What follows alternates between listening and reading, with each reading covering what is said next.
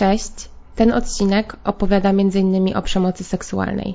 Jeśli ktoś z Was szuka pomocy i wsparcia, możecie znaleźć je w Centrum Praw Kobiet www.cpk.org.pl oraz dzwoniąc na całodobową niebieską linię 800 120 002. Ej dziewczyny, cześć dziewczyny. Dzisiaj goszczę super inspirującą osobę, jaką jest Sara, Agnieszka, Magda. Jest dzisiaj ze mną Maja, jest dzisiaj ze mną Ola. Ej dziewczyny.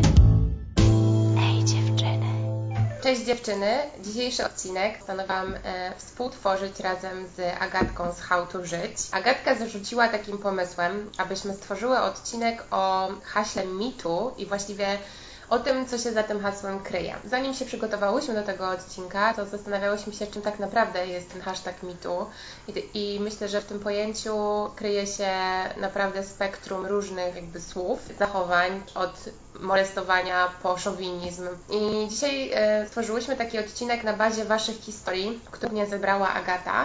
E, podzieliłyśmy sobie je na różne bloki i będziemy je odczytywać. No i e, zanim to zrobimy, to może przywitam najpierw Agatę. Cześć Agata. Cześć! w końcu Ci dam. Już od razu się cieszę. Ale nie, nie krępuj się, proszę. Bardzo ładnie mówisz, więc ja bardzo chętnie oddam Ci głos. E, zanim może zaczniemy ten odcinek, to pomyślałam sobie, że Agata nam się trochę przedstawi, bo dla tych osób, które nie znają Agaty, a myślę, że te osoby, które słuchają podcastów, pewnością znają Agatkę i jej szalone historie. Mm, no ale myślę, że fajnie będzie, jeżeli zaczniemy właśnie od tego Agatko, jak to się stało, że zaczęłaś nagrywać podcasty? To się stało z mojej nieustającej potrzeby atencji, niestety. Ja Cię szanuję, nie. szanuję Cię za Nie, tak naprawdę co? Przeprowadziłam się do Anglii 3 lata temu. No i wiadomo jak to jest w obcym kraju, w obcym mieście, gdzie nie znasz nikogo potrzebujesz tego towarzystwa, potrzebujesz poznawać nowych ludzi, więc wyszłam z inicjatywą, że w sumie mogłabym coś nagrywać. Zaczęłam wtedy się interesować bardziej podcastami. Ze względu na moją pracę miałam dostęp właśnie do tego, żeby słuchać sobie audiobooków, podcastów i stwierdziłam, dobra, może to jest to, może w tym kierunku pójdę, może to mi się spodoba, jak nie, to nie. No i stwierdziłam, że właśnie, może właśnie jak zacznę nagrywać podcasty, to poznam kogoś tutaj z Anglii, zacznę tworzyć odcinki o życiu w Anglii, może poznam kogoś przez internet w Polsce, jakąś ciekawą osobę, która ma podobne poczucie humoru do mnie. No i tak to wyszło wyszło, że wszystko wrzuciłam do jednego worka, wszystkie moje przemyślenia i stwierdziłam, dobra, no to nagrywamy to.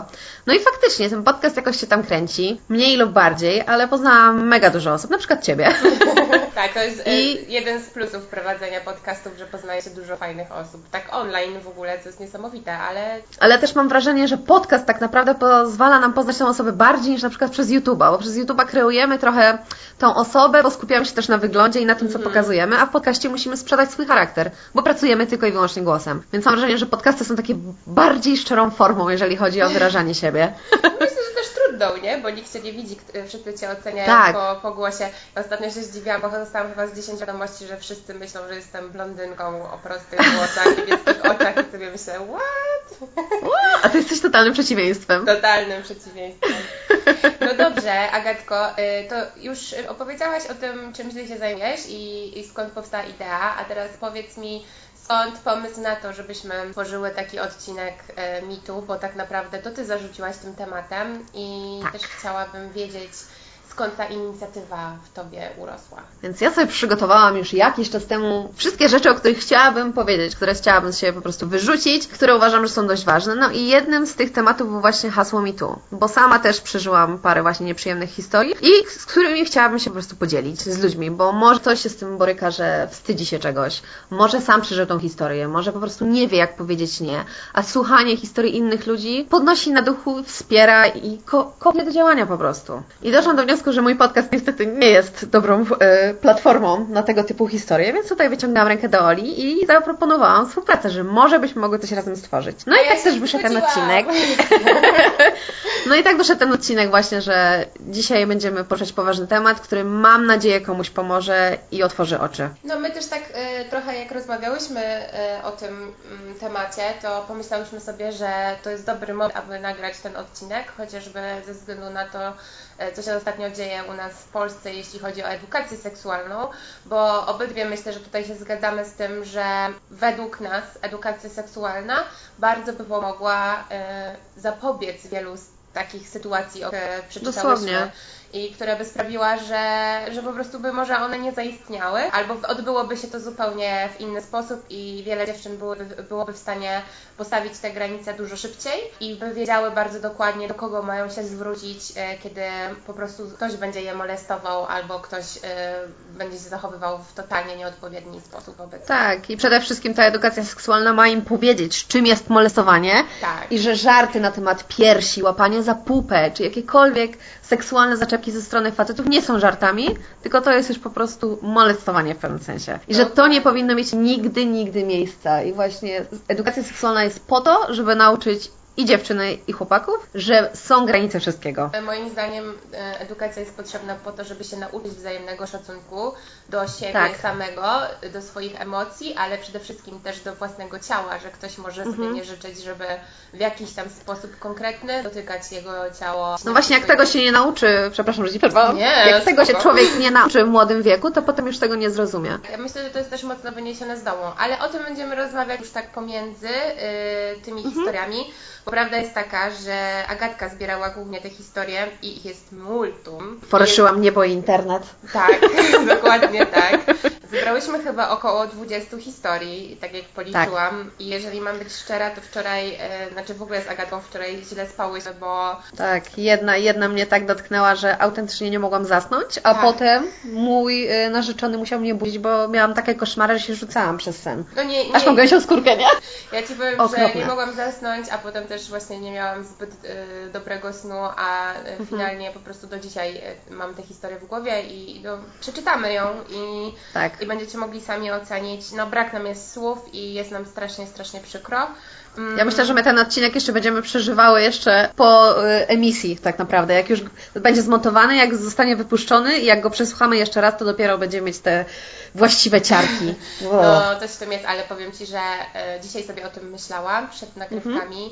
że fajnie, fajnie umówiłyśmy się na odcinek o MeToo, no i tak dużo się o tym też w sumie mówi, ale jak się przeczyta takie prawdziwe ludzkie historie ze szczegółami, to naprawdę to jest moim zdaniem koszmar i e, koszmar w takim sensie, że dlaczego musi się to dziać i dlaczego takie sytuacje mają miejsce, bo jak się po prostu czyta ten hashtag MeToo i jak dalej, to mam wrażenie, że nie wybrzmiewa to całe zło i wybrzmiewa to, że nie wiem, czasami ludzie się czepiają, że to feministki nakręcają to MeToo i że to jest jakaś bzdura i że w ogóle w dupach się za przeproszeniem O Jezu. poprzekasało, a to nie tak, jest prawda. nie księżniczku i nie przesadzaj. Tak, pani Przecież to tylko żarty. tak, pani niedotykalska, pani obrażalska, nie? E, jak to jedna z dziewczyn napisała Tak. zresztą w historii. No tak nie jest. Dla jednych e, osób takie małe, szowinistyczne żarty po nich spłyną, a Mhm. dla innej dziewczyny będzie to jakiś koszmar, który ona będzie przeżywała latami w sobie i dusiła. Dosłownie. Więc każdy, pamiętajcie, mm, jest indywidualnością i każdy inaczej przeżywa pewne rzeczy i uważam, Tak, że... I szanujmy się wszyscy. Tak, dokładnie. Więc ten temat jest bardzo ważny i z tych historii wybrzmiało moim zdaniem, jak bardzo jest istotny. Okej, to już skończę ten swój monolog, bo już zgubiłam trochę w tym, co chciałam powiedzieć, jak zawsze zresztą. I może zaczniemy od pierwszej historii. To będzie historia mm, z bloku, y, który podzieliłyśmy na takie mm, opowieści ze szkoły z domu, jakby, które mają miejsce gdzieś w tym środowisku. I pierwsza z nich brzmi tak. Wracałam z zajęć językowych, było trochę po 18, ale zimno, było już ciemno. Mieszkałam w okolicach dworca, więc kręciło się tam mnóstwo bezdomnych. Z naprzeciwka szedł mężczyzna, mocno pijany, chwiał się i mamrotał. Początkowo nie zwróciłam uwagi, bo jak wspomniałam, taka okolica y, mnóstwo meneli. Ale gdy był już bliżej, zrozumiałam, co mamrotał. Mówił, zaraz cię wyrucham.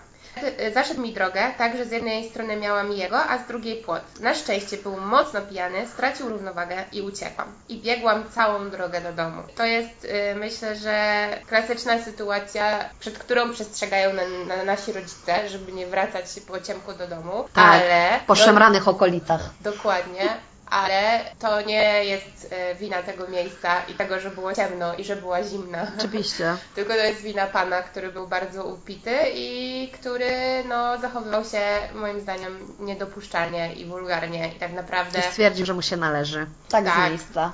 I szczęście w nieszczęściu, że był pijany i że po prostu pewnie nie miał sił, żeby cokolwiek zrobić i ta dziewczyna była dużo od niego sprytniejsza i szybsza, ale no pomyślcie sobie tylko, co mogłoby się wydarzyć, gdyby tak nie było. Gdyby miał trochę więcej e, sił w nogach i mniej go zawiało tamtego dnia. Dosłownie, albo chociażby nawet jeżeli się przewrócił, jakby złapał ją za nogę. No, chociażby, no w ogóle... To jest milion scenariuszy, co mogło pójść nie tak. Co mogłoby Ale całe szczęście, tak, ale całe szczęście, że uciekła i że wszystko skończyło się dobrze. Pamiętajcie dziewczyny, że wi- wiadomo, że zawsze warto iść jednak tymi ulicami, które, które są o bardziej oświetlone i zadbać też o swoje bezpieczeństwo, ale mam też takie poczucie, że jeżeli ktoś ma takie wartości i takie podejście do kobiet i tak się zachowuje, to to nie ma dla niego większego znaczenia, czy to jest zaułek, czy to jest oświetlona ulica. I tak naprawdę uważam, że po tej sytuacji ta dziewczyna powinna powiedzieć o tym rodzicom i powinno być to zgłoszone na policję. Mimo tego, że pan był pijany. Powinno, tylko że też akurat problem jest taki, jeżeli chodzi właśnie o bezdomnych, że no ciężko ich namierzyć. Tu Tak. był ten problem. No, no dobra. Mm, Kolejna historia y, jest takim ym, typowym zachowaniem wujków. I myślę, że na ten temat się trochę rozwiniemy, bo ja też pociągnę go trochę. Tak, dokładnie, e, bo już Agatka zapowiedziała, że ma trochę do powiedzenia w tym temacie. Okej, jak dorastałam, to dość szybko urosły mi piersi. Na jednej z popołudniowych herbat rodziny mój wujek na dzień dobry wykrzyknął: Jakie Ola ma wielkie piersi? Jakby dlaczego wujkowie to robią? To jest straszne. Nie mam pojęcia. Ja też mam wrażenie, że w takich powiedzmy, jakby to powiedzieć, tak 20 lat temu jeszcze było większe przyzwolenie na dotykanie, na przytulanie. Nikt nie respektował granic dzieci. Nie było czegoś takiego jak granice dziecka. I dziecko nie miało prawa powiedzieć, że nie dotykaj mnie, bo mi się nie chce. Nie było czegoś takiego. I na przykład, no ja mam taką historię, gdzie jak byłam młodsza, oczywiście trafił się jeden wujek, który jak zobaczył, że rosną mi piersi, to zaczął mnie za te piersi łapać. I to zawsze było takie tarmoszenie tych piersi. Mówię, o jak ci urosły, jak ci urosły, to są moje cycuszki. I powiem Ci, że do tej pory ja mam tak Mówił do ciebie, naprawdę, że to są moje cycuszki, czy że to są twoje cycuszki? że to są jego cycuszki i że mu kiedyś obiecałam. Oh boy. Powiem Ci, że do tej pory na przykład ja nie cierpię swoich piersi i myślę, że to było właśnie z tego względu, że on takie tarmosił. Więc jak, jak teraz widzę moje piersi, to po prostu szału dostaję. No dobra, ale ty I- nie powiedziałaś rodzicom, że on tak do ciebie mówił? Wiesz co, no to było na zasadzie takich rodzinnych spotkań, że to niby żartowanie było. A, moi czyli on to byli... robił otwarcie, tak przy wszystkim. Oczywiście, że tak. Okej. To było najgorsze w tym wszystkim. Wiesz, moi rodzice też mówili, że przestań, przestań, widzisz, że jej się to nie podoba. A tam ona się wygłupia, ona tak naprawdę się śmieje z tego.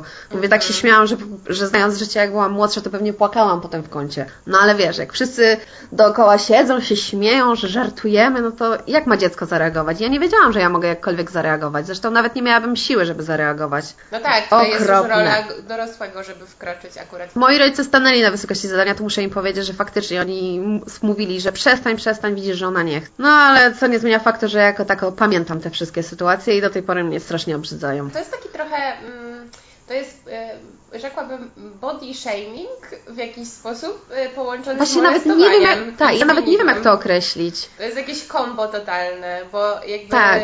fajne jest, kiedy, nie wiem, przyjeżdżasz do rodziny po jakimś czasie i wujek mówi, o, ale ty urosłaś na przykład, nie? Że widziałem cię taką małą, a teraz już jesteś dorosłą kobietą, ale to... Tak, nie podchodzisz, nie łapiesz za piersi, ale ci cycki urosły, oddaj mi cycki. No, mm. Nope, Tak się takich nie robi. Nie robimy takich rzeczy. Jeżeli ktoś z Was jest e, przyszłym wujkiem albo ciocią, to pamiętajcie. don't. Just don't. Just don't. Nie, i też jeżeli mamy tutaj e, rodziców, słuchaczy, to pilnujcie dzieci i naprawdę zwracajcie uwagę, że każde dziecko ma swoje granice. I ono Wam o tym nie powie, może jest za małe, może jeszcze nie rozumie, ale to Wy jesteście od tego, żeby rozumieć. Pamiętajcie, żeby też ufać temu, co dzieci mówią i Mhm, tak. wsłuchiwać się w ich zachowania i słowa. I obserwować dzieci, tak. bo dziecko czasami się wstydzi. Znaczy, no, ja nie, nie jestem rodzicem, e, Agatka też nie, ale wydaje nam się z perspektywy dziecka, że to jest jakby ważne. Tak, nawet z perspektywy tego, jak my to pamiętamy. Co chciałybyśmy, żeby nasi rodzice robili. No dobra, mm, lecimy z trzecią historią Next z one. cyklu Szkoła, Dom w podstawówce. Pewnie z e, czwartej klasie. Wyszłam ze szkoły na boisko. Akurat sama przechodziłam e, z tyłu e, budynku i mijałam chłopaka. Znałam go z widzenia, pewnie z klasy szóstej. Złapał mnie za krocze, ścisnął i poszedł sobie. To powinien być przykład, dlaczego edukacja seksualna na Tak. zakończenie właśnie podstawówki jest bardzo ważna. Kiedy hormony zaczynają powoli, powoli buzować i kiedy te dzieci nie rozumieją, co się z ich ciałami dzieje. O, straszne. Ale w ogóle, jak ja sobie pomyślę o sobie w podstawówce, to my mieliśmy takie głupie zabawy typu rozbieranie siebie. Yy, naprawdę mieliśmy takie zabawy. Co że- byście robili? Okej, To może zabrzmi strasznie, ale słuchajcie, nie dochodziło do żadnego złego dotyku. Jakby zabawa polegała na tym, że biegaliśmy za sobą i komu się udało kogoś zabrać, to super, ale brały udział raczej w tym osoby takie dzieciaki, które były z naszej paczki i w jakiś sposób się na to godziliśmy, ale chciałabym po prostu powiedzieć, że my nie mieliśmy edukacji seksualnej i Mhm. nikt nam o tym nie mówił, czym jest seks, myślę, chyba, że komuś tam w domach. I tak czy siak ten temat do nas po prostu przyszedł sam. Nagość, bliskość, seks, Mhm. czym on jest. Więc to, że tej edukacji seksualnej nie będzie w szkołach, nie świadczy o tym, że dzieciaki nie będą o tym gadać, nie Tak. będą o tym mówić i chodzić i sobie na własne sposoby pewne rzeczy sprawdzać. I Oczywiście, wydaje- że tak, mamy internet. No Tam tak. jest wszystko. To jest tak ja jak- wszystkiego dowiedziałam się z internetu, dosłownie. Od kiedy skończyłam 12 lat, miałam internet, wiedziałam już wszystko. No w odcinku o seksie z Sarą Mhm. e, mówiłyśmy, łatwo jest wpisać sobie w wyszukiwarkę Tak. słowo, za przeproszeniem, ruchanie i zobaczyć, jakie treści się pojawiają, a niestety dzieci w tym wieku y, często operują takim wulgarnym językiem Mhm. y, opisującym bliskość i seksualność. Tak. Więc e, no chyba trochę słabo będzie, jeżeli się nauczą wszystkiego z internetu, który też często ma bardzo określony obraz e, seksualności e, i bardzo też taki moim zdaniem patriarchalny e, i Mhm. nastawiony na często na po prostu spełnienie w seksie mężczyzny, a nie obojga Tak. partnerów. Więc wydaje mi się, że no jednak ta edukacja seksualna jest naprawdę mega potrzebną rzeczą. No tak, ale właśnie- nawet jak sobie pomyślisz o tym, co się pokaże właśnie po wpisaniu hasła ruchanie, to tam nie będzie miłości, nie będzie uczucia, nie będzie szacunku, Nie, tylko będzie po prostu... No, a, no, nie wiem czemu, ale mam wrażenie, że osoby, które stoją za żeby tej edukacji seksualnej u nas w Polsce nie było i była ona zabroniona, to właśnie mają taki obraz seksu, e, takiego właśnie mechanicznego, za przeproszeniem, ruchania. Jak można myśleć, że edukacja seksualna polega na tym, żeby dzieciom pokazywać tego typu treści, że właśnie... I żeby rozpalać dzieci, Tak, tak, że żeby w zaraz w uprawiać seks. Absolutnie nie. Że to jest zupełnie odwrotne, że właśnie trzeba im pokazać tą merytoryczność i to w ogóle taką, myślę, że też taki psychologiczny aspekt tego, Mhm. że to jest fizjologiczna nasza potrzeba i że to jest też, to są nasze decyzje, nasze ciało, nasze granice i tak dalej. Ale czy ty pamiętasz w ogóle jakiekolwiek lekcje wychowania seksualnego u siebie w podstawówce czy tam w gimnazjum? Czy miałaś cokolwiek, czy kompletnie nic? Znaczy ja miałam takie chyba, to, to się nazywało wychowanie do życia w rodzinie yy, Mhm. i chyba tam było parę lekcji. Pamiętam, że prowadziła te zajęcia nasza pani z biblioteki. Było bardziej, wiesz co, powiem Ci, yy, połączenie takiej biologii i pokazanie układu rozrodczego kobiety i mężczyzny i Nie pamiętam, żebyśmy mieli tam cokolwiek o zabezpieczaniu się, ale pamiętam, że padało bardzo dużo pytań po naszej stronie i koledzy się tam, wiecie, wiesz, wyp- wypytywali się, nie? Czym jest masturbacja, czy może obejrzymy porno. E, No i pani oczywiście była zbulwersowana ich zachowaniem i pytaniami, bo to miała być taka grzeczna e, lekcja o wychowaniu w rodzinie, powtórzę jeszcze raz. Więc O to nie ma nic wspólnego. Nawet tam nie było moim zdaniem niczego o relacjach.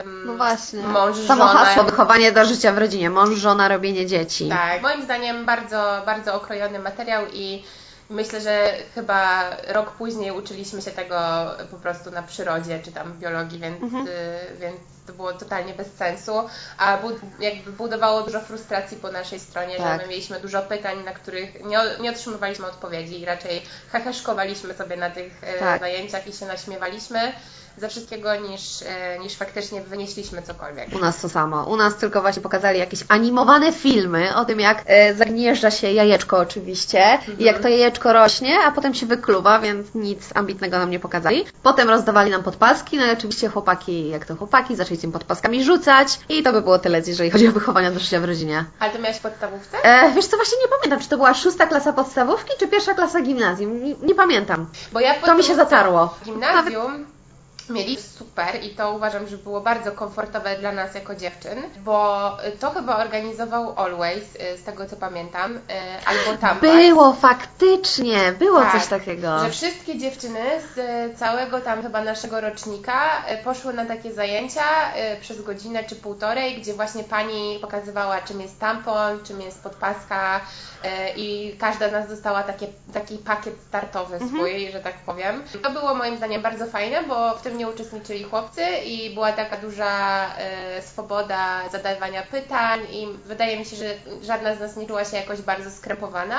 To Właśnie ja też super. pamiętam, że coś, takie, coś takiego było, że robili nam spotkania bez chłopaków, żeby nie, nie, nie było tej krępacji. No dobra, wracamy do naszej historii, bo jest ich sporo. Tak, a my się rozgadujemy co chwilę. Jak zwykle. No to będzie taki, wiecie, odcinek trochę skok. E, jest trudny, więc też nam trudno mm. się mhm. trochę w tych tematach odnaleźć i sami naprawdę nie wiemy, co mamy powiedzieć e, na tę historię. E, tak. Więc niech te historie też przemówią same za siebie. Czwarta historia. Poszłam kiedyś do parku poczytać książkę. Było około 13, kiedy postanowiłam wracać do domu. Przy bramie zaczepił mnie mężczyzna pytając o godzinę. Niczego nie podejrzewając, wyciągnęłam z kieszeni telefon, żeby sprawdzić, która jest, e, która jest godzina. W tym momencie mężczyzna zbliżył się i złapał mnie za krocze z najobrzydliwszym uśmiechem, jaki w życiu widziałam. W pierwszej sekundzie to totalnie mnie sparaliżowało, a on się śmiał. Zaczęłam krzyczeć najpierw na niego, potem o pomoc, więc uciekł. I tutaj co trzeba powiedzieć, to na pewno to, że pomimo, że dziewczyna była na maksa zszokowana, to najmniej zareagowała i krzyczała o pomoc, nie? Czasami... Tak, um, tu podziwiam refleks, bo czasami tak, ten stres i strach paraliżuje tak. kompletnie. Czasami Ci się coś wydarzy i dopiero po tygodniu przetworzysz to, że to w ogóle tak. nie powinno mieć miejsca i że tak nie powinno być. To jest właśnie też mi się wydaje, że to jest moim zdaniem taka sytuacja, której ludzie nie rozumieją, że coś się wydarzyło i od tego wydarzenia mija jakiś czas i ktoś stwierdza, że tak nie powinno mieć miejsca. E, I wtedy się zaczyna, że dlaczego ona nie powiedziała tego wtedy, mhm. dlaczego ona nie zareagowała w, w tamtym momencie, teraz e, wywleka jakieś stare bryna. Bo ona musi sama na to zareagować, sama to musi przerobić. Dokładnie i czasami zachowania innych są tak zaskakujące dla nas nie do pojęcia, że musimy sobie przemielić to, co się wydarzyło i co się stało, e, żeby dojść do wniosku, że tak nie powinno być. I ja na przykład zdarzyło mi się nieraz mieć taką sytuację, mhm. już nawet nie związaną akurat tutaj z szowinizmem czy z molestowaniem, ale że ktoś coś do mnie powiedział i ja byłam w takim szoku e, głębokim, że nie wiem, ha, zaśmiałam się albo po prostu zrobiłam minę zdziwioną i sobie poszłam. I dopiero po dwóch dniach do mnie dotarło, że ktoś na przykład, nie wiem, zachował się totalnie hamsko tak. wobec mnie i że ja się z tym super źle czuję. I, e, I nie każdy ma jakby taką zdolność refleksu, e, żeby reagować na bieżąco, jakby ustalmy to i nie ma w tak, tym ale myślę, że do tego też trzeba troszeczkę dojrzeć, bo ja też przez bardzo długi okres czasu nie wiedziałam, że mogę zwrócić komuś uwagę, że to jest hamskie, że to jest szowinistyczne, że takie rzeczy nie powinny mieć miejsca. I na przykład głupio się uśmiechałam, typu hehe, no, no, no, bardzo zabawne, ale nie mów tak mhm. więcej i odchodziłam. Ale z czasem doszłam do tego, że kurczę, że ja, jeżeli ja nie powiem nie, to nikt inny za mnie tego nie zrobi. I że ja muszę reagować. I nawet taka sytuacja jedna, jaką pamiętam, to też kurczę miał chyba z 14 lat. Wracałam od mojej mamy z pracy, przechodziłam sobie właśnie ulicą i koło mnie przejeżdżało dwóch chłopaków na rowerach. Byli ode mnie widać, że grubo starsi. Przejeżdżali i jeden nagle stałym impetem klapnął mnie w pupę. I ja tak stanęłam jak wryta i ja nawet nie wiedziałam, czy mam krzyknąć, czy mam co zrobić. Po prostu mnie zamurowało i tak stałam chyba minutę przerażona tym, co się stało. Oni odjechali głośno się śmieją. To jest masakra, bo jakby to naprawdę nie jest fajne. Jeżeli dla Was to jest zabawne, to macie, nie wiem, poczucie humoru na poziomie, nie wiem, Zero. Nie. Ale nie, nawet e, a propos klubów, to byłam na imprezie z, z grupą dziewczyn i była taka sytuacja, że tam było bardzo dużo namolnych, takich jakby to nazwać, takie FIFA-rafa, takie wymuskane plejaski. Mm-hmm. nie wiem, jak inaczej to określić. Ale było pełno takich macho, takich bardzo pewnych siebie. No i oni zaczęli do dziewczyn powoli podchodzić, no i tam jedna mówi, że nie, że odej, ale to nie, nie trafia, nie ma, nie ma czegoś takiego jak słowo nie w klubie. Facet wtedy z przodu podejdzie, potem z drugiej strony, potem zacznie łapać cię za biodra, ty go odepchniesz, on cię znowu zacznie łapać. I ja jednemu po prostu złapałam, wzięłam po prostu moje małe piątki i strzeliłam mu całej siły w klatę, odpychając go, mówiąc, że przestań. Mówię, co ty robisz, ty nie rozumiesz słowa, nie? O, taka jesteś cwana, to po co tutaj tańczysz obok mnie? Ja mówię, nie tańczę obok ciebie, po prostu się odsuń. E, teraz przejdziemy do szowinizmu w pracy i Agatka będzie czytać tę historię, tak? Czy ja mam je czytać? Tak. Nie, ja mogę czytać teraz, możemy się zamieniać. Dobra. Więc pierwsza historia. W jednej pracy mieliśmy takiego klienta, który zostawiał u nas mnóstwo forsy, więc szefowa była dla niego przesłodka, bo wiadomo, jak to działa. No i on zawsze walił jakieś głupie komentarze na mój temat, o tym, jaka jestem młoda i fajna, że na randkę by ze mną poszedł. No mnie to strasznie wkurza, bo to takie stare typy z przedmiotowym traktowaniem kobiet. Jemu już powiedziałam wprost, bo byłam starsza i się nie cykałam, że sobie tego nie życzę, więc oczywiście, że o co mi chodzi, że księżniczkuję i że sobie w ogóle nie można pożartować, bo ja taka obrażalska jestem. Tu jest właśnie to hasło, które wcześniej padło pod tytułem obrażalska i księżniczka, bo I dziewczyna nie nie zgadza się, żeby ktoś ją komentował. No i widzisz, i ta dziewczyna e, zaznaczyła w tej historii, że, bo byłam starsza. E, I Tak. po prostu już znała swoje granice i potrafiła się postawić. Dlatego e, my tak bardzo podkreślamy tą edukację seksualną, bo uważamy, że e, edukacja najzwyczajniej w świecie pozwoli nam wyznaczać granice i będziemy dokładnie wiedziały i wiedzieli, kiedy powiedzieć stop i kiedy sobie nie pozwalać Mhm. na różne sytuacje. Tak, druga historia. W innej pracy. Sezonowa praca w domkach letniskowych. Na jednej zmianie przychodzi do mnie zapłakana koleżanka, że szef zaczął komentować jej ciało i złapał ją przy tym za pupę. Byłam jedyną osobą, która stanęła w jej obronie. Reszta powiedziała, że to przecież tylko żart, że to i że każda kobieta chciałaby, żeby taki mężczyzna który się nią zainteresował i że sobie pewnie wymyśla. Tego samego dnia przyjechał y, po nią jej chłopak i ją zabrał, wyzywając jeszcze szefa. Bardzo dobrze, w ogóle e, zrobiłabym tutaj e, Brawo dla, brawo dla tej pani. Brawo dla Tak, tej pani, ale przede wszystkim w ogóle brawo dla też tego chłopaka, który e, tak Tak, zareagował. że zareagował. Tak, i przyjechał i, i się postawił i e, też pokazał, że takie zachowanie jest nieakceptowane i że, że jakby co ona tam robi, zabieram ją stamtąd. Bardzo dobrze. Kolejna historia. Pewien klient, którego zabrałam na mecz piłki nożnej, to wszystko działa na takiej zasadzie, że zabieram klientów, stawiam im drinki i staram się budować jakoś relacje pozabiurowe. I cała akcja jest oczywiście sponsorowana przez moją firmę i mega propo- promowana jako właśnie budowanie relationships w pracy. No i oczywiście pan, z którym miałam przyjemność spędzać czas na meczu, zaproponował mi później noc w hotelu. Powiedział, że postawi, oczywiście jeżeli ja mu też postawię. Hehe. No cóż, nie udał nam się biznes. O Jezus, obrzydliwe typy, które mają za dużo pieniędzy i mają przerośnięte ego, mnie przerażają. To jest okropne, ale też dla mnie to jest trochę mm, ze strony firmy w jakiś sposób. Ja rozumiem, że są takie branże, gdzie ta więź z klientem jest ważna i że naprawdę oni tam stawiają mocno na to, żeby budować jakieś relacje, ale to też trzeba jakoś chronić swoich pracowników przed takimi zachowaniami. Uważam, że w tej sytuacji e, i po takim zachowaniu powinny być ucięte wszystkie biznesy z taką osobą, która się w ten sposób zachowuje. Po prostu. No, Ja wiem, że to brzmi Niby prawda, to, ale... to jest, tylko to jest ciężkie, bo akurat e, znam tą osobę i znam tą historię i wiem jak to wygląda, bo to wszystko dzieje się w dzień, to się wszystko dzieje w wynajętej loży, gdzie jest miliony osób dookoła, może nie milion, przesadzam, ale gdzie jest naprawdę cały tłum dookoła i to nie jest sytuacja jeden na jeden. Absolutnie, tam jest pełno innych osób i również inne osoby z firmy. No tak, Agatka, ale to facet jest, to jest ten mechanizm, y, kiedy mm, ktoś, kto ma jakieś, nie wiem, powiedzmy, ten koleś akurat ma pieniądze, tak? Czyli ma jakieś ma władzę, bo- ma władzę tak. i jest w jakiś sposób doceniany i ceniony przez e, branżę, w której ta dziewczyna pracuje, tak? Jako potencjalny Mhm. klient, który może dużo wnieść do firmy.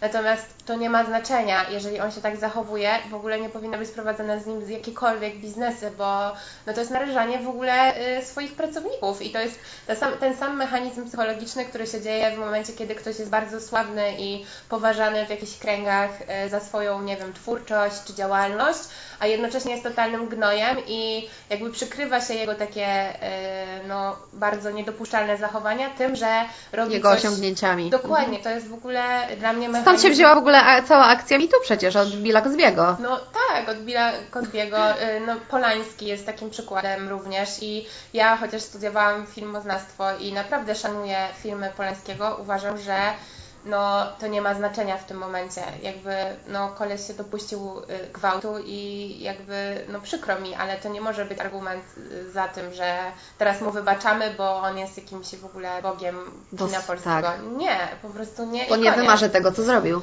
Polecam Wam dokument na Netflixie.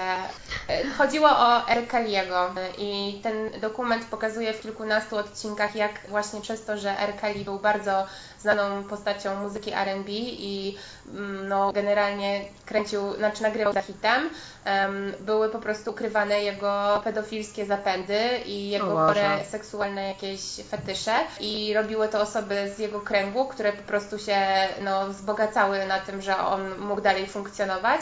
No i po latach się okazało, że nawet skrzywdził e, siostrzenicę jednej z najbliższych, najbliższych swoich przyjaciółek, więc w ogóle matko. no, jest dokument bardzo ciężki i trudny do, do obejrzenia, ale pokazuje właśnie ten cały mechanizm, kiedy właśnie stawiane są jakieś osiągnięcia, jakieś takie rzeczy związane z czyjąś twórczą działalnością, nad tym, że ktoś po prostu komuś wyrządza krzywdę. No umówmy się, że Ktoś jest gdyby... złym człowiekiem. No dokładnie, umówmy się, że gdyby ktoś kogoś zabił, a nagrywał, nie wiem, hit za hitem, no to chyba raczej byśmy y, olali typa, nie? I nie słuchali jego muzyki i stwierdzili, że jest zbrodniarzem, że w ogóle kogoś zabił, pozbawił go życia i tak dalej. Jakby nie wiem czemu nie, nie klasyfikuje się molestowania, gwałtu, pedofilstwa w ogóle na takim samym poziomie. Nie rozumiem tego. Tak, mnie jak czasami śledzę właśnie jakieś sprawy sądowe, jeżeli chodzi o gwałty, jak ja widzę, że facet, który zgwałcił dostał dwa lata albo dwa lata w zawieszeniu, to ja szału dostaję. Ja dostaję szału, jak ja słyszę, Mhm. Jest- nie daj Boże, hasło w zawieszeniu. Jakim prawem w zawieszeniu? Przecież on to zrobił, on skrzywdził tę kobietę. Ale w ogóle... Ona się o nic nie prosiła. Och, To jest- aż, aż po prostu mi jest niedobrze, nie, jak o tym No, to myślę. jest w ogóle walka z wiatrakami, a największym problemem są takie relacje, gdzie jest mąż z żoną w małżeństwie i mąż dopuszcza się gwałtu na Ojej. żonie. I na Przecież to nie gwałt, bo żona ma obowiązek. Nie? I e, tutaj chciałabym powiedzieć od razu o Mai Staśko, która jest feministką i działaczką Mhm. i bardzo pomaga kobietom, które właśnie doznały przemocy seksualnej na różnym poziomie. Jeździ z nimi do sądów, opisuje ich historię, stara się ich wspierać i, i jakby dawać namiary na jakąś pomoc psychologiczną. Jest niesamowicie zaangażowaną dziewczyną, która bardzo głośno o tych wszystkich rzeczach mówi i niestety uważam niesprawiedliwie, dostaje jej się za to mocno po głowie i się ją obraża.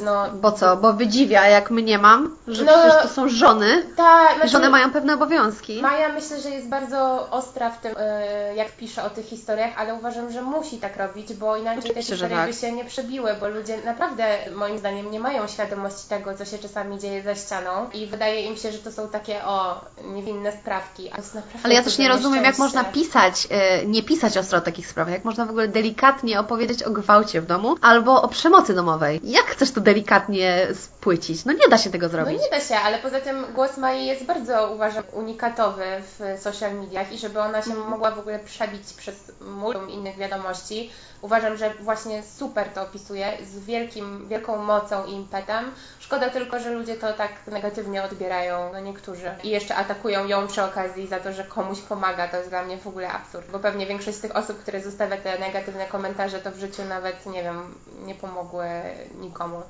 To to prawda. Okrutne. Jak to się mówi, kozak w necie, pipa w świecie. No trochę To tak. jest piękne określenie, którzy Eee. najgłośniej właśnie szczekają. Następna historia. Ostatnia, jeżeli chodzi właśnie o seksizm pracy. E, Bardzo dużo też historii było na temat właśnie komentowania biustu. Typu na przykład, że jeżeli dziewczyna ma duży biust i przychodzi na przykład, wchodzi do budynku, to są żarty typu, że przez pierwsze 5 minut widać tylko jej cycki, a potem dopiero ona wchodzi. Albo koleżanka mi opowiadała, że u niej faceci w firmie sobie żartują, że oni zatrudnią specjalnego pracownika dodatkowego, jakiegoś stażysty, tylko po to, żeby trzymał jej cycki, bo ona ma takie wielkie. Serio? Więc to są tak, więc tutaj jest takie bardzo, do, bardzo śmieszne żarciki. I tutaj jest jeszcze historia właśnie, jak pracowałam kiedyś w pewnej instytucji państwowej, gdzie pracuje również mój tata. Pracowałam na stażu jako sekretarka. I prowadziłam sekretariat głównego szefa. I któregoś dnia szefunio powiedział mojemu tacie, w ogóle totalnie nie wiedząc, że jest moim tatą, ej, ale fajna ta nowa cielęcinka z sekretariatu, co? Tak. Y, Od razu też zadałam pytanie, co tata powiedział, jaka była reakcja i tata zareagował jak powinien, stanął w wysokości zadania i opierdzielił pana szefa jak trzeba, mówiąc, że to jego córka on sobie nie życzy, więc się zamknął i nigdy więcej ten temat nie był poruszany znowu. No właśnie, bo ja też w odcinku z moim bratem, z którym rozmawialiśmy o feminizmie, o szowinizmie i tak dalej, mówiliśmy też trochę o tym, że mężczyźni lubią sobie w pewien określony sposób żartować. I dopóki em, czują taki poklask i, i jakby trochę mm, przyzwolenie na to, żeby wygłaszać tego typu żarty albo komentarze, to też e, nie zreflektują się. I e, uważam, że tutaj też jest ważna bardzo postawa naszych e, mężczyzn, tak, którzy Tak. potrafią powiedzieć, ej, halo, halo, ale może się trochę zagalopowałeś, może trochę inaczej, można komuś powiedzieć komplement, albo w ogóle może to nie jest miejsce tego typu komentarze. No jakby, wiecie... Yy, jak- Reaguj, po prostu. Tak, Jeżeli czujesz, że dokładnie. coś jest nie w porządku, to nie bądź jak owca i nie śmiej się jak wszyscy dookoła, tylko jeżeli uważasz, że to jest nie w porządku, nie na miejscu, to mów to głośno. Dokładnie. Bo nagle wtedy kolega się speszy i nagle temat ucichnie. I Nikt się o nic nie obrazi. Oczywiście, że tak.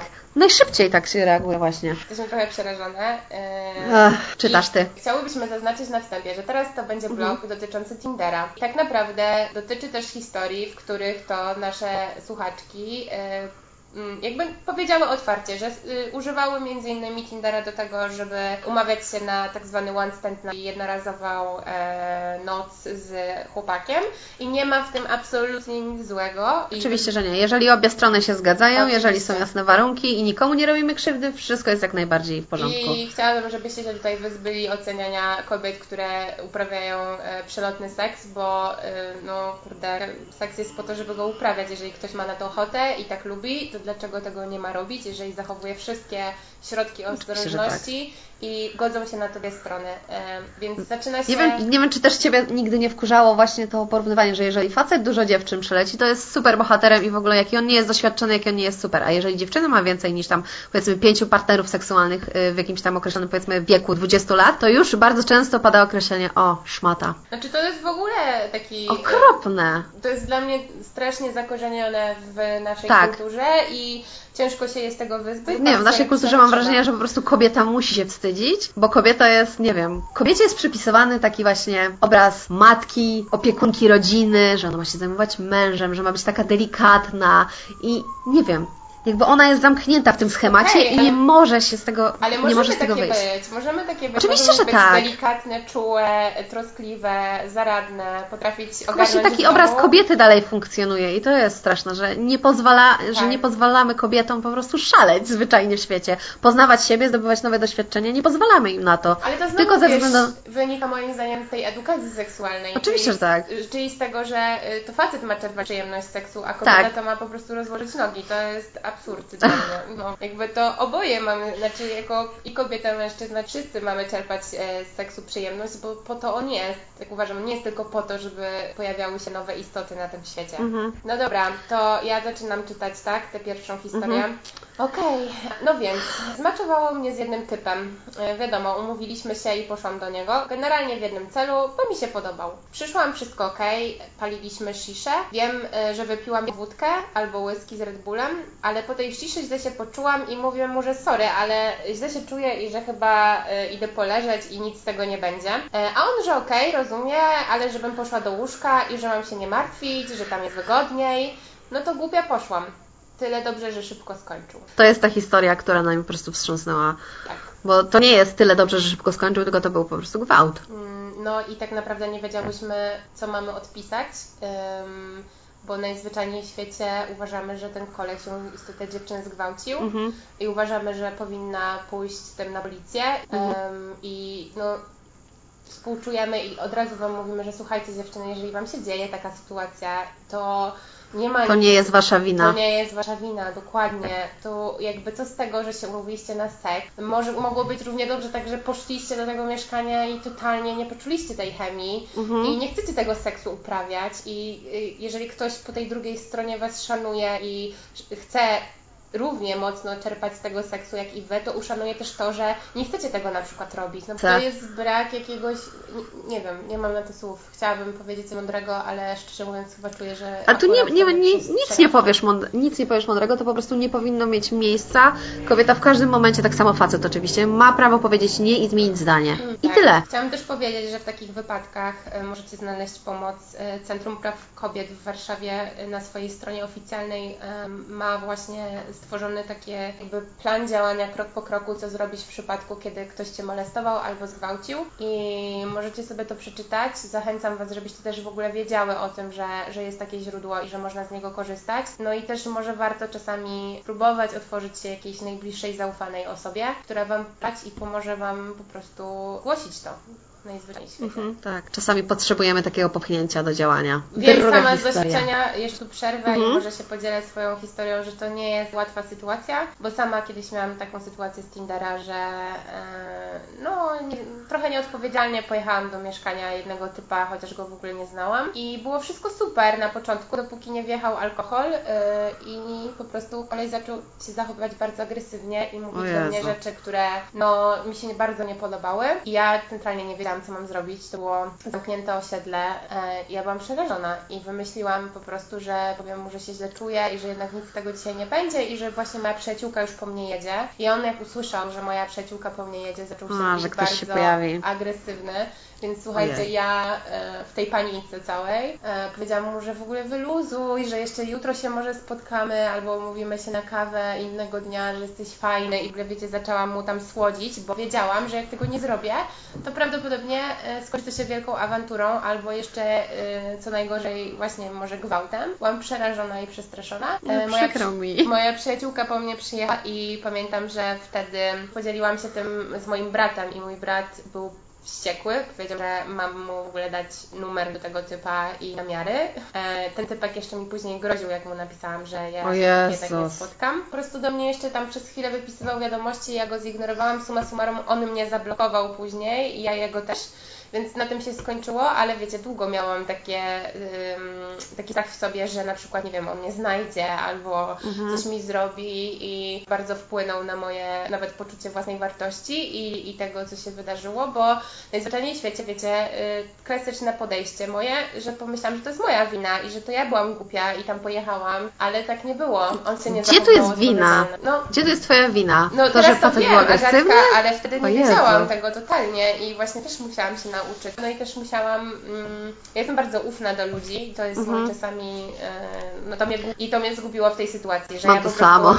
zaufałam mu, bo pomyślałam sobie, że no, hej, skoro ja nie krzywdzę ludzi i nie robię takich głupich rzeczy i, i nie wiem, nie, na kogoś nie napieram w taki sposób, no to, to nikt mi czegoś takiego też nie zrobi, bo mam takie czasami przekonanie, ale no niestety tak nie działa ten świat i, Mm. i są ludzie, którzy no, robią takie rzeczy i to nie jest fajne.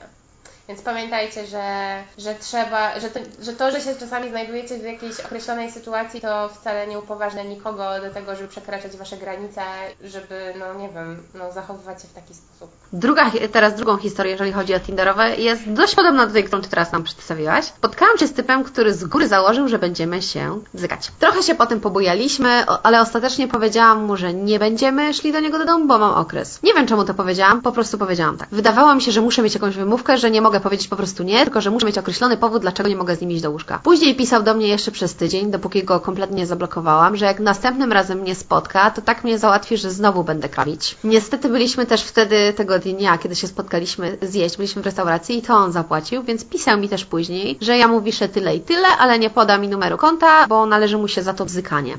Ten koleś był totalnym psycholem. Myślałam, żeby zgłosić to na policję.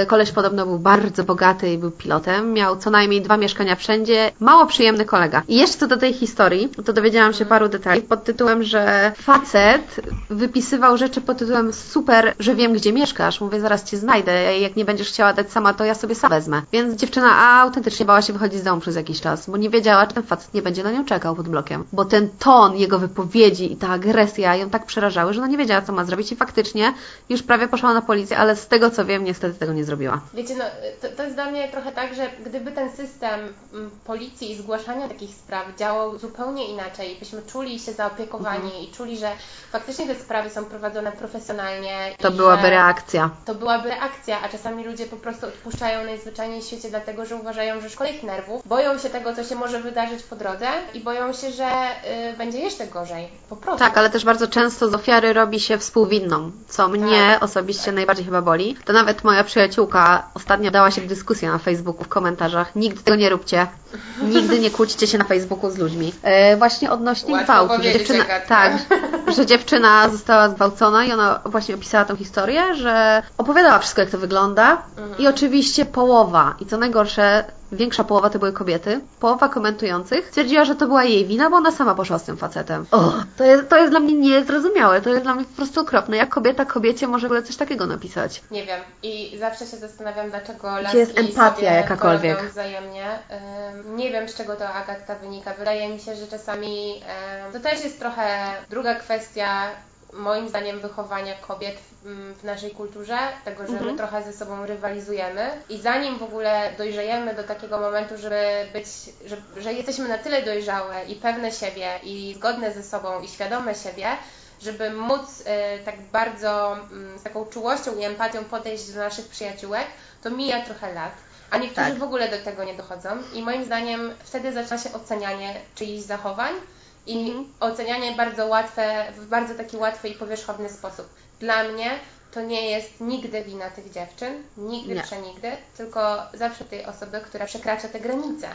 Mhm. E, no w tym wypadku akurat e, no, mężczyzny, tak? Ja też nie chcę, żebyście, wiecie, z tego odcinka wynieśli aż taki demoniczny obraz mężczyzn, bo to wiecie, to też nie Tak. jest tak, że laski nie przekraczają pewnych granic i też się czasami niefajnie zachowują wobec mężczyzn. Natomiast no niestety większość wypadków, o których my wiemy w dzisiejszym odcinku zostały przesłane przez dziewczyny. Tak. Więc też mamy- Wszystkie, no, wszystkie historie wszystkie. były od dziewczyn. Nie, Wszystkie. żaden E, pan się do nas nie odezwał. no też może to wynikać z tego, że mężczyźni wstydzą się jeszcze gorzej mówić na przykład, że nie wiem, kobieta ich e, w jakiś sposób molestuje, albo jest agresywna wobec nich, albo jakby prowadzi jakąś przemoc emocjonalną chociażby, że też mężczyźni nie mają na to przyzwolenia i uważam, że powinni mieć.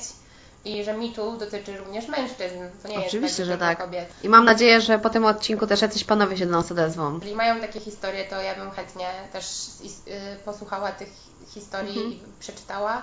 Natomiast tak jak mówiłam, uważam, że gdyby ten system u nas działał nieco lepiej i byłoby takie większe zaufanie, że faktycznie ktoś się tymi sprawami tak dobrze zaopiekuje, no to ludzie by to zgłaszali, nie? I ludzie by się nie bali tego zostawiać tak sobie mimochodem. O, to jest straszne, że zamiast, że osoby postronne tworzą organizacje, które pomagają tym kobietom, a nie służby, które powinny się tym zajmować. To jest dla mnie abstrakcja. Tak, dla mnie to to jest w ogóle abstrakcja. Ech, zakrzywiona rzeczywistość, moja droga. Jop, niestety. Dobra, tak. i też, żeby nie brzmiało to w ogóle tak, te historie wszystkie, że my jesteśmy jakieś antytinderowe, bo nie. No ja się nie. hajtam z typem z Tindera za rok. Są, więc jest- tak, dokładnie Więc tak. tam są też takie fajne egzemplarze. No, są fajne egzemplarze, no i w ogóle to też jest tak, że mm, słuchajcie, ten odcinek nie jest tutaj wrzutą na mężczyzn, tylko jest po prostu wrzutą na zachowania pewnego rodzaju, które się pojawiają. Mamy dzisiaj historie, które, tak jak powiedziałam wcześniej, dotyczą głównie y, no, szowinistycznych zachowań mężczyzn. Kolejna historia z, z niestety moja. E, Któregoś dnia poszłam sobie z koleżankami na piwko. Byłyśmy we trzy, poszłyśmy sobie na koło torów, na jakieś, jakieś tam krzaki, nielegalne piwko, wiadomo. Czasy wszystko on budget, więc poszliśmy sobie e, przy torach, usiadłyśmy na jakimś tam betonowym klocku, pijemy, śmiejemy się, wiadomo, tam jacyś ludzie randomowi przechodzili za płotem, e, od strony ulicy, tutaj, że powiedzmy ktoś tam przeszedł, ale byłyśmy ogółem zasłonięte i, i było wszystko bezpiecznie. No i nagle przechodzi jakiś, jakiś facet, słychać właśnie, że ma butelki piwa w siatce, no i przechodzi. No i myślałyśmy, że on sobie przejdzie jak tam poprzedni ludzie, ale nie, stanął za nami jakieś 5 metrów od nas, więc poczułyśmy się trochę niezręcznie, no bo byliśmy w krzakach, dookoła już nie było żadnych ludzi. To było już y, po zmierzchu, więc było dość ciemno, a tam w krzakach wiadomo, że nie ma żadnych lamp, więc poczułyśmy się trochę niezręcznie, ale mówimy, no dobra, no była dziwna dzie- dzielnica, mówiąc wprost, to była bardzo dziwna dzielnica, więc mówimy, no dobra, no facet może chce piwko, no to niech sobie wypije to piwko, a my jesteśmy we trzy, więc damy sobie radę. No i tak sobie siedziałyśmy, piłyśmy to piwko i nagle słyszymy co chwilę jakieś takie jakiś taki creepy śmiech. No i tak nam troszkę już kręgosłupy się wyprostowały z tego stresu. No i facet zaczął nagle tam laskać z tyłu, więc my byliśmy coraz bardziej przerażone i się obróciłyśmy o co chodzi. A on sobie tak siedzi i tak, no, no, no, trzy dziewczyny, co by tutaj zrobić? I my tak, o Jezus Maria, mówię, może się zbierzamy i idziemy stąd. On tak patrzy, siedzi tak, i dalej się śmieje tam za nami. I tak słyszymy, że trochę podchodzi i tak nagle, tą przerucham, tą chyba zabiję, a tą zakopię, ale najpierw niech popatrzy.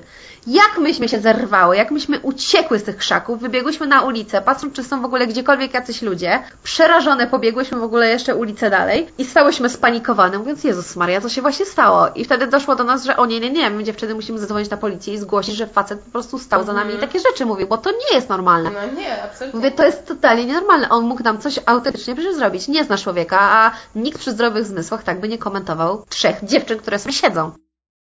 Je, więc myśmy tam wróciły i patrzyłyśmy przez krzaki, czy on jest, ale on zniknął wtedy, już go nie było, więc nawet jakbyśmy zadzwoniły po policję, to nawet nie byłybyśmy w stanie go opisać, bo było już za ciemno. No i właśnie było- znowu sytuacja, O. gdzie spalone, nie? A koleś mógł na przykład komuś wyrządzić później. Tak. krzywdę. I potem miałyśmy to w głowie cały czas jeszcze przez chyba co najmniej miesiąc. Bałyśmy się chodzić w ogóle w tamto miejsce i miałyśmy cały czas z tyłu głowy, Boże, a jeżeli on komukolwiek coś zrobił, mówię, a mógłbyśmy bo- zatrzymać. I taka myśl z tyłu głowy cały czas była. To nigdy Ale nie z drugiej wiesz, strony- czy to są żarty, czy to jest na serio i naprawdę... Nie wiem, dla mnie takie, takie teksty to już żartami nie są. Mówię, szczególnie, że ten facet to był tak, no, z 50 lat miał.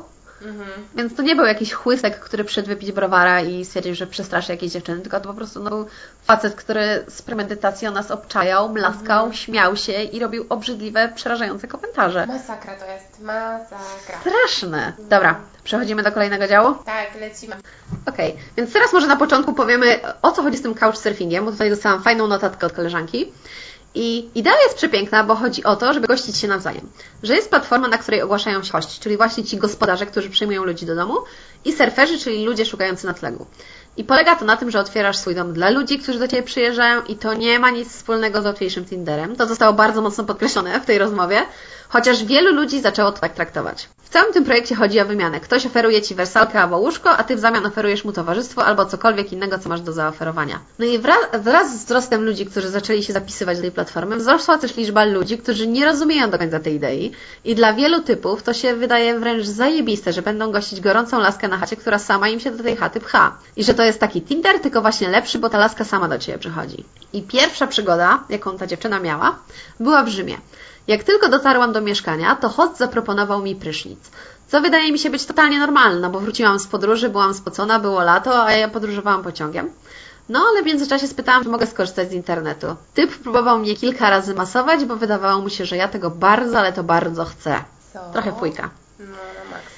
Druga historia jest z Albanii. Raz, kiedy przyjechałam do domu jednego chłopaka, okazało się, że typ ma jedno łóżko, chociaż w swoim opisie na portalu miał informacje o dwóch łóżkach. Bo przy każdej ofercie noclegowej jest wszystko opisane, co oferuje każdy host, ile ma miejsc mhm. noclegowych, czy ma oddzielne pokoje, czy nie. No, wszystkie detale są podane. No i dotarłam do typa, a tam widzę, że jest jeden pokój i jedno łóżko. No a w jego opisie było jasno, że ma dodatkowy materac i tym podobne, więc troszkę mnie to przeraziło. No ale zaproponował, że wyjdziemy na miasto i że on ma materac. Więc poszliśmy sobie na to miasto. Po czasie wróciliśmy. Ja chciałam się przygotować do spania, ale w międzyczasie właśnie wyszło, że ten materac jednak nie istnieje. Więc ja stwierdziłam, że będę spać na podłodze i nie mam mowy, że będziemy dzielić razem łóżko. No i on zaczął mnie przekonywać, że to nie ma sensu i że on mnie zaprasza do łóżka, że śmiało, że się zmieścimy. No i, ale no stary, ja nie chcę.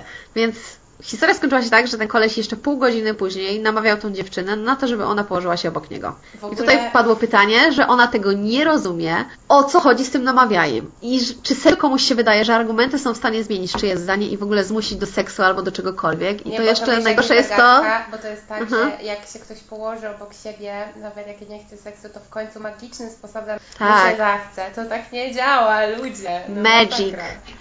Tak, i najgorsze jest to, że właśnie przy tych pytaniach i przy próbie nakłonienia do zmiany zdania padają takie argumenty pod tytułem, właściwie nie argumenty, a pytania pod tytułem, no ale dlaczego nie? No weź, no chodź. No, no nie, no. Nie znaczy nie, proste. Nie wiem, dlaczego niektórym się wydaje, że nie, to jest takie trochę inne tak. Jakby, jakby nie miało jakąś w ogóle um, skalę mocy. Mhm. Kiedy jest bardziej tak. nie, a kiedy jest trochę mniej nie. Kiedy jest takie nie, a kiedy jest takie nie. Masakra. tak, jeszcze właśnie dostałam tutaj informację, że problem polega na tym, że ta historia to jest niewielki ułamek tego, co ja mhm. przeżyłam, że to jest maleńki procent tych pajaców i że ogromny procent ludzi, których poznałam, byli przesuper. No I tak. że naprawdę spędzałam miło czas, ale no, że każdy facet się znajdzie. I że najgorsze jest to, że przez tę historię wychodzi, że Każda laska, nie wiadomo jak przygotowana na podróż, nie wiadomo jak po prostu ubezpieczona, nie wiadomo czy jest z kimś czy bez kogoś, prędzej czy później będzie w takiej sytuacji. No dobra. Co jeszcze mamy? Wszystko chyba. Chyba wszystko opowiedziałyśmy. Mamy jakieś wnioski, Agatka, po, po tym odcinku? Takie podsumowanie. Tak, że chyba najbardziej przerażające jest to, że te na przykład osoby wszystkie z couchsurfingu, tak jak rozmawiałam z tą dziewczyną, to są normalne osoby mające normalne życie, normalną pracę, normalną znajomych, a nagle w sytuacji, gdzie są sam na sam z jakąś obcą dziewczyną, wychodzą takie po prostu kwiatki, że nagle proponują jej seks, yy, namawiają ją, żeby spała z nim w jednym łóżku mhm. i jak ona mówi nie, to uważają, że to jest jakieś flirtowanie i udawanie takiej niedostępnej. To jest chyba najgorsze, znaczy, że... Wiesz, co jest sami ofiary takich zachowań mówią o ludziach, które z pozoru i społecznie są postrzegane jako osoby takie właśnie normalne, nie? I że to jest mhm. aż niewyobrażalne, żeby. I to jest nieprawdziwa historia wtedy w, tak. w, w ocenie tych osób, które uważają taką, e, takiego oprawcę za, za normalnego, fajnego obywatela, który tam jest niegroźny, ale naprawdę nigdy nie wiemy, co się dzieje za zamkniętymi drzwiami. Nigdy nie masz gwarancji. No i zawsze pamiętajcie, że y, jest trochę krzty w tym prawdy i warto sprawdzić wszystko. Jak ktoś nam mówi o takich rzeczach, no to też miejcie na uwadze to, że dla kogoś to może być też duży wyczyn, żeby w ogóle powiedzieć coś takiego i żeby się podzielić taką historią. I myślę, że tutaj się zgodzimy z. I to Tak, może wielkie brawa osobą- dla wszystkich dziewczyn, które Tak. było- podzieliły się historiami. Tak, że nam Wielkie ukłony dla Was. Dokładnie, że nam zaufałyście i no, jest nam bardzo, bardzo przykro, że napisałyście nam te wszystkie historie i żeby one Was spotkały. I przykro nam, jeżeli którakolwiek z naszych słuchaczek albo słuchaczy przez coś takiego przechodziła. Jeżeli dla Was mówienie głośno o tym, y, jakie powinnyśmy mieć prawa, o tym, jakie są granice pewnych zachowań, o tym, e, że chcemy decydować o swoim ciele, że chcemy mieć dostęp do edukacji seksualnej, świadczy o tym, że nam się w dupach poprzewracało, to ja nie chcę żyć w takim kraju i nie chcę mieć do czynienia z takimi ludźmi, którzy uważają, że podstawowe wartości nie mają najzwyczajniej w świecie znaczenia. Tak, i teraz też, żebyście nie myśleli, że my mówimy jakieś tutaj właśnie teksty feministyczne pod tytułem, że ja mam e, że nikt nie może mieć innego zdania od nas, ale no, jak można mieć inne zdanie na temat wolności innego człowieka, empatii do tego innego człowieka i w ogóle ogólnego szacunku do człowieka? I tego nie rozumiem. No to jest coś, co To jest, dla mnie, być to jest dla mnie hit. wspólnym. Ja rozumiem, że każdy, tak, nie? dokładnie. To powinna być wspólna sprawa, żeby szanować się i żyć razem,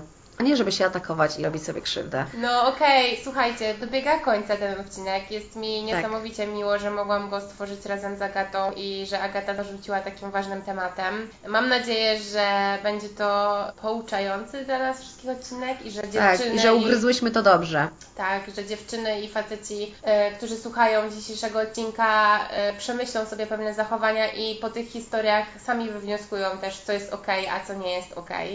Bo też z pozoru te historie mogą się wydawać niewinne. Mm, moim zdaniem mają ogromną wartość i, i warto sobie z nich wyciągnąć wnioski, jak powinniśmy postępować i się zachowywać. Dokładnie tak. Pięknie podsumowałaś. Ładniej bym tego nie powiedziała. Agatko, bardzo Ci dziękuję za dzisiejszy odcinek i mam To nadzieję, ja że... bardzo dziękuję. I mam nadzieję, że kiedyś jeszcze będziemy miały szansę stworzyć wspólny odcinek. Dzięki.